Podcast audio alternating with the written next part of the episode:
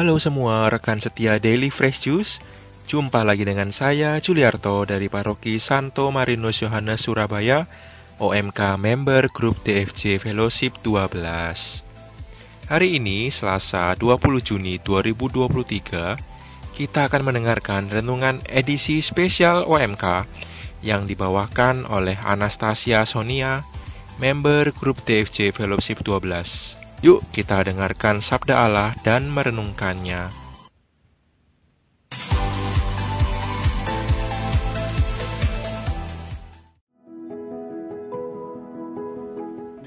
Halo sahabat Fresh Juice, di mana pun berada, semoga semuanya dalam keadaan sehat dan baik, dan segala kegiatannya hari ini dilancarkan.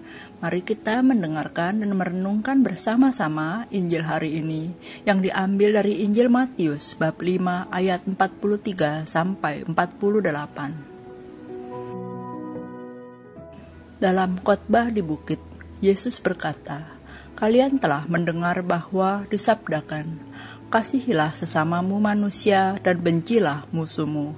Tetapi aku berkata kepadamu, kasihilah musuh-musuhmu dan berdoalah bagi mereka yang menganiaya kalian.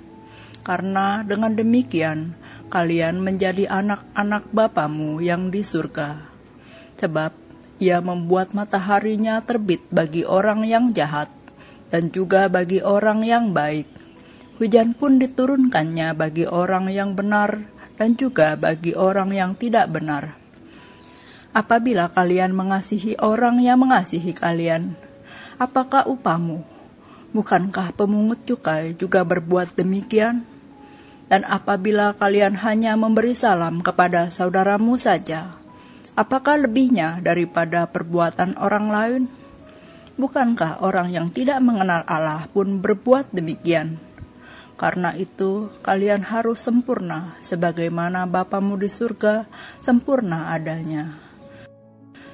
Demikianlah Injil Tuhan, terpujilah Kristus.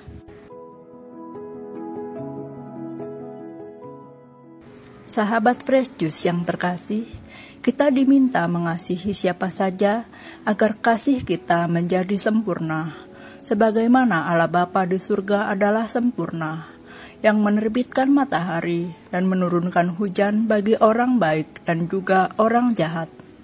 Di Perjanjian Lama, Allah Bapa berulang kali berpesan kepada bangsa Israel agar mereka berjuang mengejar kekudusan supaya dapat menyerupai Bapa. Kuduslah kamu, sebab aku kudus. Istilahnya, buah jatuh tidak jauh dari pohonnya, like father, like son. Karena jika kita tidak menyerupai Bapa, kita tidak pantas mengaku-ngaku sebagai anak Bapa. Salah satunya adalah dengan mengasihi sebagaimana Allah mengasihi, dengan kasih agape atau kasih tanpa syarat. Dan salah satu wujud mengasihi adalah dengan mengampuni. Tuhan Yesus juga menegaskan ajaran kasih ini dalam doa yang ia ajarkan kepada kita Ampunilah kesalahan kami, seperti kami pun mengampuni yang bersalah kepada kami. Tidak hanya mengajar dan mengingatkan saja, Tuhan Yesus juga mempraktekkan ajarannya dengan sungguh-sungguh untuk menjadi contoh bagi kita. Sejak awal pengajarannya, ia mengalami banyak sekali penolakan dan penganiayaan, seperti akan dilempar dari tebing atau dirajam dengan batu puncaknya pada penyiksaan dan penyalibannya yang kejam, dan Tuhan Yesus masih berdoa bagi musuh-musuhnya.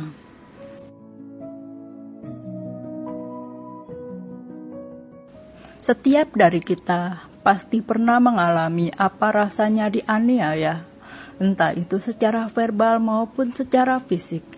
Ada banyak alasan kenapa penganiayaan itu terjadi bisa saja karena itu merupakan reaksi yang keras dari perbuatan kita, tapi bisa juga karena seseorang memilih untuk menyakiti kita, padahal kita tidak pernah menyakiti orang tersebut.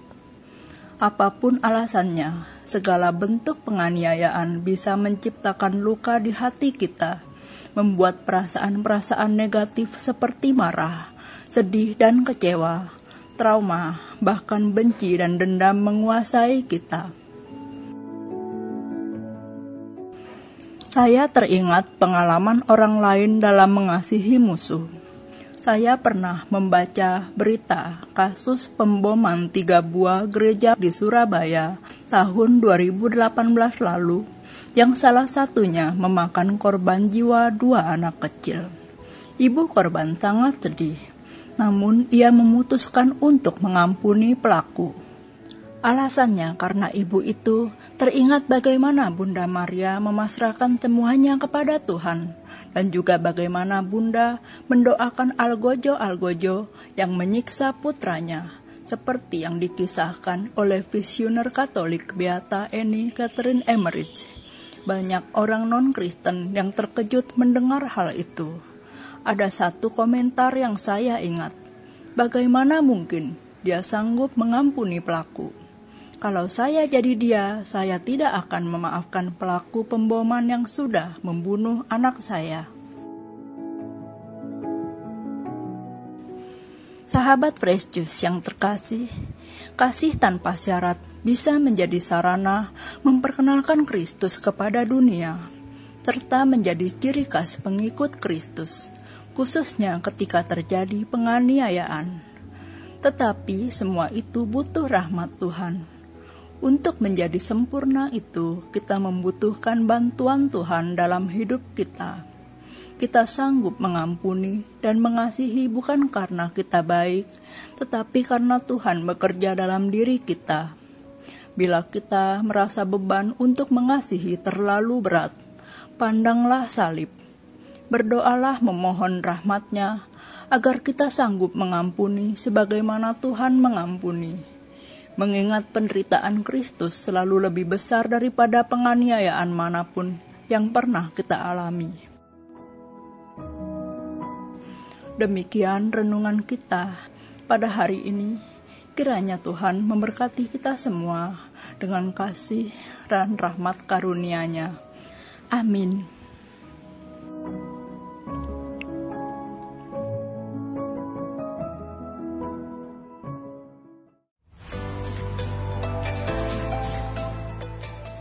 Rekan Daily Fresh Juice, baru saja kita mendengarkan Fresh Juice Selasa 20 Juni 2023. Terima kasih kepada Sonia untuk renungannya yang menyegarkan. Jangan lupa untuk selalu berdoa dan berharap kepada Tuhan untuk selalu menambah iman kita. Salam Fresh Juice.